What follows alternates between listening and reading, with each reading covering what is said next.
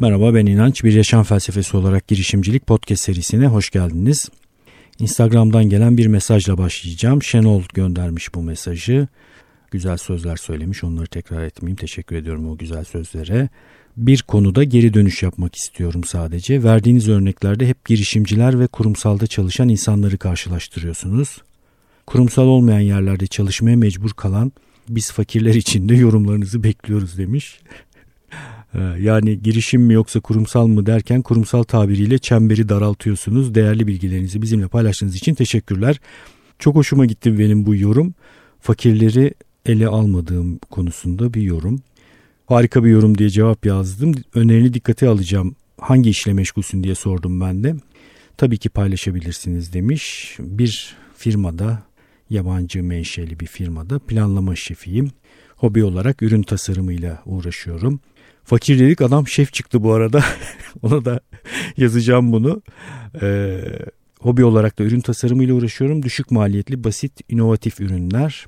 Aslına bakarsanız tüm hazırlıklarımı bitince, bitirince fikrinizi almayı düşünüyordum. Tasarım tamamlandı sayılır. Testler devam ediyor.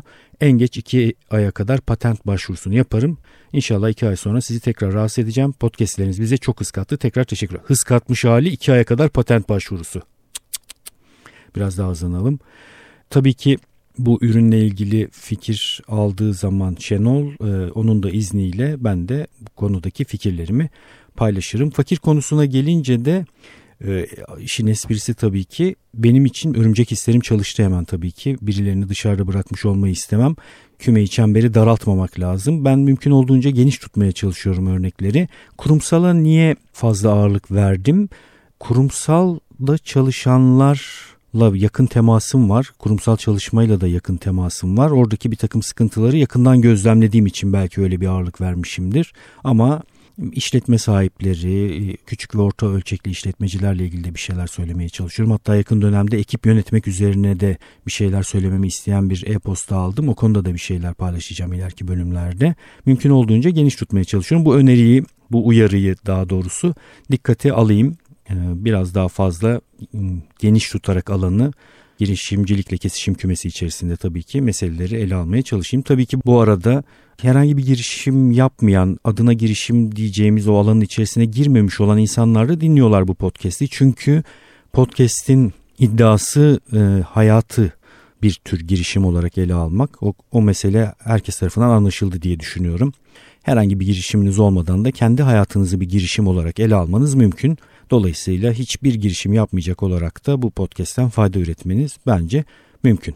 Bu e, yakınlarda girişimci kafası ekibinden birileri benimle temasa geçti ve bir video röportaj yapmak istediklerini söylediler. Ben de sevinç içerisinde kabul ettim.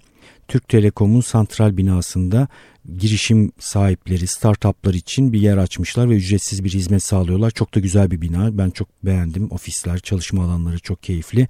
Yavaş yavaş orası tıka basa dolacaktır diye düşünüyorum. Orada oturduk ve bir sohbet, video sohbet, video röportaj yaptık İsmail ile birlikte. İsmail Girişimci Kafası ekibinden. Ee, çok keyifli geçti ve YouTube'da yayınlandı. İzlerseniz memnun olurum. Girişimci Kafası YouTube kanalında yayınlanmış durumda. Instagram hesapları var. Oradan da onları takip edebilirsiniz. O sohbet içerisinde kendilerine sıklıkla gelen bir takım soruları da paylaştılar benimle. Ben de o soruları da mümkün olduğunca cevap vermeye çalıştım. Bir iki tanesini seçerek şimdi onu burada da paylaşacağım. Mesela sorulardan çok gelen sorulardan birisi şuymuş. Fikrim çalınırsa ne olacak? Yani bir fikrim var, çok iyi de bir fikir e, destek almaya çalışıyorum. İşte fonlara başvurmak istiyorum. Bir takım projelere başvurmak istiyorum ama bu başvurular sırasında fikrimi öğrenince insanlar ya fikrimi çalarlarsa diye bir soru geliyormuş. Bu bana daha önce de gelmişti. Gaziantep Teknoloji Transfer Ofisi'nde bir takım e, eğitimler yaptığımı, danışmanlıklar yaptığımı daha önce size söylemiştim. Oradaki eğitimlerime katılan mühendislerden bir tanesi telefonla arayıp bana aynı şeyi sormuştu. Yani fikrim çalınırsa ne olacak diye. Ona da aynı şeyi söylemiştim. Şimdi yine aynı şeyi söyleyeceğim. Çalınacak kadar iyi bir fikriniz varsa buradaki endişe nedir? Önce onu bir tespit edelim. Fikriniz var ve bu fikri tek başınıza ya da bir ekiple kendi kaynaklarınızla hayata geçiremeyeceğiniz için birilerinden kaynak almaya çalışıyorsunuz. Yatırım almaya çalışıyorsunuz ve dolayısıyla fikri açmanız gerekiyor ve çalınabilir mi? Çalınabilir yani o kısmını çok ele almayacağım ben tabii ki. Eğer durum buysa ilk girişiminizi bu fikir üzerinden yapmayın. Bu fikri bir kenara park edin. Çalınacağından korktuğunuz bu fikri. Belirli bir miktar kaynak oluşturana kadar çalınması konusunda endişe duymayacağınız bir takım fikirleri hayata geçirin. Kendi kaynağınızı oluşturun ve yatırıma falan bulaşmadan da bu işi yapın. Ben doğası gereği yatırım aramaya çalışmayan bir insanım. Kendi işimi kendim görmeye çalışıyorum. Benim tabii kendi yaşam deneyimimin bana getirmiş olduğu bir takım soru işaretleri nedeniyle bunu yapıyorum. Ben kendimi kimseye izah etmek durumunda kalma. Zaten girişimci olma nedenim bu. Yani birilerine dert anlatmaktan o kadar çok sıkılmışım ki bir yatırımcıya e, fikrimi anlatıp da ondan yatırım alıp da hele ki Türkiye'de yatırımcılar %100 e, garantili bir takım işlere kalkışmaya çalışıyorlar. Böyle çok rahatça keselerini açıp insanların fikirlerini hayata geçirmesi için elinden geleni yapan bir yatırımcı kitlesi olduğunu düşünmüyorum açıkçası ben. Hele ki böyle bir ortamda, böyle bir ekosistemde yatırım gerektirecek, büyük yatırımlar getirecek fikirler oluşturmak yerine kendi kaynaklarımla ayağa kaldırabileceğim fikirleri hayata geçirmeye çalışıyorum. Size de aynı şeyi öneririm. Bir sürü kaynak kullanımı gerektirmeyen girişim türü var, startup türü var. Kendiniz başlarsınız. İşler yolunda giderse, testler yolunda giderse zaten yatırım alabilecek hale gelirsiniz. Harvard Girişimcilik Okulu'nun öğrettiği önemli şeylerden birisini sizinle daha önce paylaşmıştım. Biz bir girişime kalkıştığımızda ya da bir startup kurduğumuzda ne yapıyoruz aslında? Elimizdeki kaynaklarla bir takım testler yapıyoruz. Bir takım hipotezleri test ediyoruz ve bu testler çalışırsa elimizde çalışan bir model varsa bu modeli ölçeklemek için, büyütmek için yatırım almaya çalışıyoruz. Onun için başlangıçta fikir aşamasında yatırım almaya çalışmak yerine kendi imkanlarınızla bir takım testleri yapıp kullanıcı deneyimini oluşturup e, ürün ya da hizmet hakkında bir takım geri bildirimler aldıktan sonra modelin çalışmaya başladığını gördükten sonra kendi elinizi de güçlendirmiş olursunuz. Yatırım alma ihtimaliniz daha da artar. Onun için her halükarda fikriniz parlaksa da bunu öneririm. E, ya da çalınacağından korkuyorsanız dediğim gibi bunu şu şekilde öneriyorum. Hiç o fikri bir kenara atıp hemen direkt kendiniz yeni bir fikirle bu işe başlayın. Başlamak için bir bahane olmasın herhangi bir şey. Bunu söylemeye çalışıyorum. Benim çok sevdiğim bir argo deyim vardır. Daha önce de söylemişimdir yine söyleyeyim. Fare geçemeyeceği deliğe gelince kıçına kabak bağlarmış. Kıçınıza bu fikrim çalınır kabağını bağlamayın. Ee, başka bir fikri bulun. Yani çünkü bu çok uzun bir yol. Denemeniz lazım, öğrenmeniz lazım, test etmeniz lazım. Bunun için birilerini ve bir şeyleri beklemenize gerek olduğunu düşünmüyorum. Bir başka soru, bu soruyu da çok sevdim bu arada. Ben girişimci olmak istiyorum, girişimciliğe başlamak istiyorum ama fikrim yok. çok güzel değil mi? Bakın insanlar fikirsiz girişimci olmak üzere yanıp tutuşuyorlar. Fikri olup da girişimci olamayanlar var bir yandan da. Fikrim yok girişimci olmak. Bence bir kere girişimci olma isteğinin doğmuş olması yeterli. Bundan daha iyisi olamaz. Fikir yoksa ne yapacağız? Fikir yoksa kendi küçük çevremizden başlayabiliriz. Kendi hayatımızdan başlayabiliriz. Ülkemiz Türkiye özellikle bu konuda çok bakir. Hep sürekli söylüyorum. Elinizi etrafınızdaki neye atsanız, etrafınızdaki ürün ve hizmetlere elinizi uzatın. Herhangi birini daha güvenilir, daha sağlıklı ve daha kaliteli hale getirmeniz mümkün. Uzattığınız elinizi ekmek ekmeği daha güvenli, daha kaliteli, daha sağlıklı hale getirebilirsiniz. Yumurta, bal, süt bütün bunlar Türkiye'de ciddi güven problemi yaşayan ürün grupları. Daha kaliteli, daha iyisini yaparak bir şeyleri gerçekleştirebilirsiniz. Teknolojiye çok fazla boğulmak zorunda değiliz. İlla fikrimiz teknolojik olmak zorunda değil. Teknolojinin getirdiği bir takım kaldıraç güçleri var tabii ki ama bir yandan da çok yüksek rekabet alanı, teknolojik alan. Şu anda herkes dünyada, Türkiye'de teknoloji tabanlı bir takım fikirler üretmeye çalışıyorlar. Yani herkes yeni bir teknolojik ürün geliştirmeye çalışıyor. Onun için böyle kimsenin bulaşmadığı, el atmadığı bir takım alanlar var. Onlar kör bölgeler. O kör bölgeleri yakalayarak onlar üzerinden bir şeyler geliştirmenizi ben daha çok tavsiye ederim açıkçası hem de daha küçük ekiplerle çalışabilirsiniz. Yine girişimle tabii ki startup'ı ayrıştıralım, tekrar kavramları hatırlayalım. Startup neydi? Belirli testler yaparak ayağa kaldırdığınız bir ürün ya da hizmeti çok hızlı bir şekilde ölçeklemenizi sağlayan teknoloji tabanlı işler. Uber mesela yine teknolojik girişimlerden bir örnek olarak çok verilen örneklerden birisidir. Çok hızlı büyüyebilecek bir iş türüdür.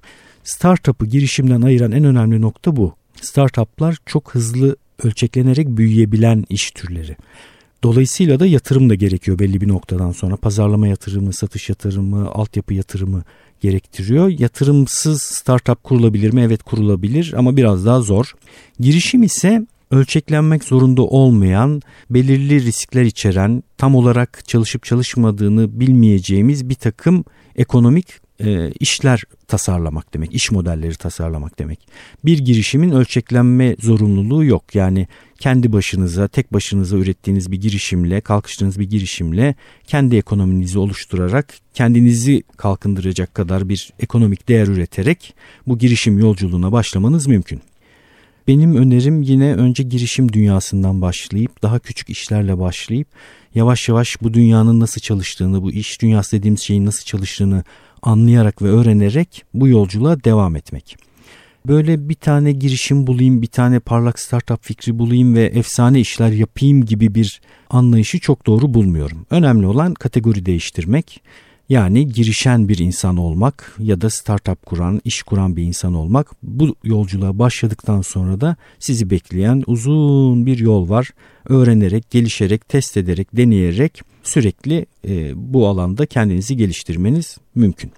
Evet girişimci kafasıyla yaptığımız sohbetin genel hatlarıyla e, iki en önemli fikri buydu. Onun dışında tabii bu podcast içerisinde bahsettiğim bir takım güçlü fikirlerden o video röportaj sırasında da bahsettim. Video içerisinden zaten ulaşabilirsiniz. Tekrar bir dinlemek isterseniz girişimci kafasının YouTube kanalında bu videoya ulaşmanız mümkün. Yarım saatlik bir sohbet. Evet devam edelim. Ee, sohbetler devam ediyor. Podcast dinleyicileriyle bir takım buluşmalar devam ediyor. Yine yakın dönemde bir podcast dinleyicisiyle bir kahve sohbeti yaptık. İsmini vermeyeceğim. Çok enteresan bir yaşam öyküsü var. İlginç. 13 yaşında annesini kaybediyor. Sonra babası müzisyen babasıyla birlikte Alanya'ya gidiyorlar. Babası müzik yapmaya devam ediyor bir yandan. Benimle işte sohbet gerçekleştiren arkadaşımız da 13 e, yaşında 14 yaşında orada bir turizm meslek sesine başlıyor. Bir yandan İstanbul'dan gitmişler. E, büyük şehirden Alanya'ya gitmiş durumdalar. Arada böyle otelde çalışırken kumsalda yağmurun altında şemsiyenin altında ben buradan nasıl kurtulacağım soruşturmaları yapıyor kendi kendine. Ve enteresan bir şekilde bir gün e, otele bir Hollandalı turist geliyor. E, işte yaşlıca daha deneyimli diyebileceğimiz bir insan sohbet ediyorlar. O sohbet sırasında İstanbul'a gitmek istediğini, bir yaşam kurmak istediğini öğreniyor Hollandalı bu genç insanın ve tatili bittiğinde bir zarf içerisinde bir para veriyor arkadaşımıza. İsim kullanamadığım için böyle arkadaşımız gibi bir tabir kullanmak zorunda kalıyorum. Ne diyeceğimi de bilemedim. Arkadaşımız diyelim. Bir para teslim ediyor zarf içerisinde ve diyor ki cesaretini kırma, cesur ol. Bu senin İstanbul'da yaşamını kurmak için gereken ilk para. Al bu parayı ve kendi hayal ettiğin dünyayı kurmaya başlar. Efsane bir şey. Çok güzel gerçekten. Çok güzel yani insanların hayallerine değer veren deneyimli, bilge bir insan anladığım kadarıyla. Bu parayı alıyor ve babası da o sıralar yurt dışında olduğu için bir seyahat nedeniyle gidiyor. Hiçbir haber vermeden İstanbul'a ve bir hayat kuruyor. O İstanbul'daki hayatı içerisinde çeşitli kurumlarda çalışıyor. Şu anda da bir kurumda satış müdürü olarak çalışıyor hatırladığım kadarıyla. Üçüncü ya da dördüncü kurumunda e, evleniyor. Bir çocuğu var şu anda. Ediz'den biraz büyük. Ediz anekdotlarını da arada dinleyip evde bir kısmını uyguluyormuş kendisi. Şimdi bu sohbet sırasında ortaya çıktığı kadarıyla anladığım kadarıyla bir girişime kalkışmak üzere bir startup kurmak üzere. Onunla ilgili de fikirlerini paylaştı. Ben de e, verebildiğim kadar fikir verdim. Biraz daha ilerlediğinde, aşama ilerlettiğinde yani tam olarak hayata geçirdiğinde fikri tekrar bir mentörlük yapma ihtimalim olacak diye düşünüyorum. Kendisi açık çek verdi aslında. Yani seni tanıyorum podcastlerden dinledim. E, fikirlerine değer veriyorum. Ne, ne şekilde yer almak istersen bu işin içerisinde benim açımdan tamamdır dedi. Çok çok güven duyduğunu belirtti. Onun için de ayrıca teşekkür ederim. Böyle güzel bir sohbet gerçekleştirdik. Ee, daha önceki podcastlerde de söyledim yine söylemiş olayım. Bir girişim fikriniz olabilir, bir startup fikriniz olabilir. Fikir danışmak isterseniz bir kahve içip ben pro içiyorum tabii bir yandan o kahvenin yanında. Prodan rahatsız olmayacağınızı varsayarak e, Kadıköy'de bir yerde benim pro içtiğim bir mekanım var kahve içtiğim orada buluşuyoruz. Siz bana fikrinizi girişiminizi anlatıyorsunuz. Ben de elimden gelen yardımı yapmaya çalışıyorum bana haber vermeniz durumunda. Evet Şimdi e, girişim üzerine konuşmaya devam edelim. E, kriz dönemleriyle ilgili biraz konuşmak istiyorum. E, kriz dönemleriyle ilgili bir sonraki bölümde de konuşacağım. E, biraz giriş yapmış olalım. E, kriz dönemleri hepimiz açısından e, üzerinde durulması gereken dönemler. Yani bir yandan baktığınızda psikolojik olarak sıkıntıya düştüğünüz, bunaldığınız dönemler kişi ya da kurum olarak ama bir başka açıdan baktığınızda da değişim içerdiği için fırsat da içeriyor. Yani kriz dönemlerinde hali hazırdaki iş yapış biçiminizle ve düşünce biçiminizle o krizi atlatmanız pek mümkün değil. Onun için kriz dönemlerinde özel bir düşünce biçimi gerekiyor. Ee, biraz krizin içerisindeki durumu okumaya çalışmanız gerekiyor. Okumak ne demektir? Yani ben şu anda kişi ya da kurum olarak nasıl bir durumun içerisindeyim? Önümüzdeki 1-2 yıl içerisinde nasıl bir gelecek bekliyor beni ve kurumumu? Bu konu üzerine mümkün olduğunca açık bir zihinle okuma yapmanız. Okumadan kastım işaretleri okumak. Yani ne oluyor ne bitiyor? Dünya ne, ne tarafa doğru gidiyor? Siz ne tarafa doğru gidiyorsunuz? Bunu biraz önce analiz etmeniz gerekiyor. Burada dışsal odaklı davranabiliyoruz durum tespiti yapacağımız için. Önce Gitmek istediğiniz yönü belirleyebilirsiniz. Önünüzdeki engelleri belirleyebilirsiniz. Ne gibi sıkıntılar yaşadığınızı belirleyebilirsiniz. Önce bu manzarayı ve haritayı bir açığa çıkarıyoruz. Sonra kriz açısından düşünmek için kapasite bazlı düşünmemiz gerekiyor. Yine aktüel potansiyel ikilisinden bahsetmiştim daha önce. İlk 10 podcast'i dinlemeyenler ilk 10 podcast'i muhakkak dinlesinler. Oraya dönelim. Ee, artık Spotify'da da var podcast'ler. Oradan ilk 10 bölümü izleyebilirsiniz ilk 10 bölüm içerisinde aktüel potansiyel kavramından bahsetmiştim. Kapasiteyi de bu açıdan ele alacağım. Ee, herhangi bir durumda şimdiki zaman içerisinde kişi ya da kurumlar aslında bir takım potansiyeller barındırırlar. Her zaman için geçerlidir bu. Biz bu potansiyellerin bir kısmını ve belli bir şekilde aktüele dönüştürürüz aktüel içerisinde. Kriz bize ne der? Artık bu aktüeldeki senin kurgun çalışmıyor, çalışmamaya başladı işaretler geliyor. Onun için yeni kurgular oluşturman gerekirler.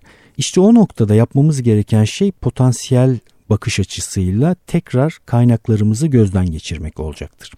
Kurum açısından konuşuyor olursak çalıştığımız pazar aktüel pazarın dışında bir takım yeni potansiyel pazarları gözden geçirmemiz gerekir. Yeni pazarlar oluşturabilir miyiz? Yeni müşteri segmentleri oluşturabilir miyiz? Ona bakmamız gerekir. Hali hazırda bir üretim biçimimiz vardır bir iş yapış biçimimiz vardır. Bu iş yapış biçimi ve üretim bir en nihayetinde kapasite anlamına gelir. Aynı kapasiteyi başka ürün ve hizmet grupları için aktüelize edebilir miyiz? Bunu düşünmemiz gerekir. Bir de tabii ki var olan ürün ve hizmetlere yenilikçi bir takım anlayışlar getirebilir miyiz? Buna bakmamız gerekir. Ee, inovasyon dediğimiz alanı ben çok değerli buluyorum. Özellikle kriz durumlarında inovasyon hayat kurtarıcı. İnovasyonu nasıl oluşturuyoruz? İnovasyon oluştururken daha önce inovasyon kavramından bahsetmiştim size. İnovasyon dediğimiz şey aslında potansiyellerin yeni şekilde ilişkilendirilmesi demek. En iyi inovasyon örneğini daha önce söylemiştim. Tekerlekli bavuldur. Tekerlek binlerce yıldır var, bavul yüzlerce yıldır var diyelim. Ama bu ikisi bir araya 80'li yıllarda gelmiş. Yani tekerlekli bavul dediğimiz şey çok yeni. 80'li yıllara kadar tekerlekli bavul diye bir şey hayatımızda yok. Gerçekten çok enteresan. Bu ikisini hayal edip düşünerek var olan bu iki potansiyeli yeni bir aktüelde bir araya getirme işi inovasyon. İşte kriz durumlarında kişi ya da kurumlar kendi kaynaklarına bu açıdan bakarak yeni ilişkilendirmeler tarif edip var olan potansiyelleri ve kapasiteleri yeni aktüellerde buluşturmak durumundadır kişi ya da kurumlar. Yani kişi olarak da aynı şeyi düşünebilirsiniz, kurum olarak da aynı şeyi düşünebilirsiniz. Kişi olarak şu ana kadar yapa geldiğiniz bir takım eylemler, faaliyetler, aktüel işler var. Bu parçaları yeni bir şekilde düşünerek yeni kurgularla yeni pazarlara açmak diye özetleyebilirim. Bunu yapmak için ne yapmanız gerekiyor? Oynamanız gerekiyor. Düşünmeniz, oynamanız fikirlerle, unsurlarla, eylemlerle bunları böyle çorba gibi düşünün. Karıştırarak, eşleştirerek yeni ilişkiler kurmaya çalışmanız gerekir. Düşünmek ve hayal etmek dediğimiz şey neden güçlü? Bu nedenle güçlü. Çünkü düşünmek dediğimiz ve hayal etmek dediğimiz şey ikisi bir arada kullanıldığında elimizdeki o oyuncak gibi bulunan potansiyelleri yeni bir takım eşleşmelerle yeni aktüellere çevirme imkanı sağlıyor bize. Hiç düşünmeseniz, hiç hayal etmeseniz her şey olduğu gibi olduğu haliyle akıp gidecek. Ama araya bir düşünme alanı açtığınızda ve hayal etme alanı açtığınızda hiçbir şeyi değiştirmeden hali hazırdaki var olan kaynaklara bakışınızı değiştireceğiniz için onları yeni yeni şekillerde yeni yeni eşleşmelerle yeni ürün ve hizmetlere, yeni açılımlara dönüştürmek mümkün. Özü itibariyle inovasyon dediğimiz şey budur. Kişi ya da kurumların ellerindeki potansiyelleri oynayarak, hayal ederek, yeni eşleştirmeler kurgulayarak, sürekli eşleştirme değiştirerek yeni aktüeller oluşturma işi. Gerçekten çok basit gibi gözükmekle birlikte çok kaldıraç gücü yüksek bir düşünce biçimidir. Yani bireyselde nasıl bir örnek verebilirim? E, spor örneği vardı. Spor hocası vardı bir tane bize so- soru sormuştu bu podcast'te. Şu anda bir salonda e, bireysel bir takım spor işleri yapıyor. İşte mesela bu insan nasıl düşünecek? Ben şu anda antrenman yaptırıyorum, bireysel olarak çalışmalar yaptırıyorum. Kapasitelerim nedir? Koşluk yapabiliyorum, insanların performansını arttırabiliyorum, onları motive edebiliyorum, onları belli bir programa sokabiliyorum. Bunu bir salonda yapıyorum şu anda. Peki başka türlü nasıl mümkün olabilir? Yani salon yerine ne olabilir? Bireysel koşluk yerine ne olabilir? Belli bir zaman planı dışında olsaydı bu iş nasıl olurdu? Dijital dünyada nasıl olabilir? diye hali hazırdaki kullanılmakta olan şeyleri, eylemleri, aktiviteleri birbiriyle çapraz ilişkilendirerek, eşleştirerek yeni kurgular oluşturmak.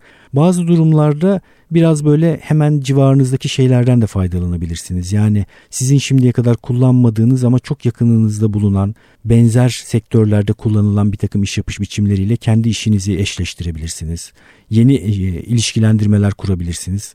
Bununla ilgili örnek de şudur iş dünyasında işte kargo teslim etmek her zaman vardı. Yemek pişirmek her zaman vardı. Eve teslim pizza işi yine çok yeni olmayan bir iştir. Yeni olmayan bir iştir değil. Çok yeni bir iştir. Çok eski olmayan bir iştir.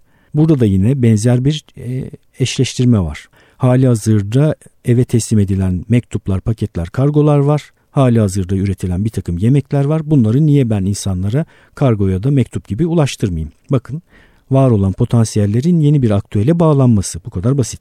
Basit derken yani özü itibariyle basit ama uygulaması o kadar kolay değil. Bu açıdan bir düşünün. Kriz durumlarını tekrar bir gözden geçirin. Hali hazırda bir iş yürütüyorsanız, kurumunuz varsa bütün dünyanızı potansiyelleri açısından yeni eşleştirmelerle nasıl kurgulayabilirsiniz? Bunu düşünün. Bireyseniz hali hazırda şu anda yapmış olduğunuz işler, faaliyetler, eylemler ve yakın çevrenizdeki bir takım başka işler, bunlar nasıl eşleşebilirler, yeni eşleşmeler nasıl çıkabilir bu açıdan bir düşünmeye çalışın. Evet benim için yine çok keyifli bir podcast kaydı oldu. Umarım sizler için de öyle olmuştur. İnançayar.com podcast sekmesinden bölümlere ulaşabileceksiniz. Bu aralar kaldırdım oradaki içerikleri tekrar koyacağım. Bana eğer ders notu tutuyorsanız, podcast notu tutuyorsanız onları ulaştırırsanız çok memnun olurum.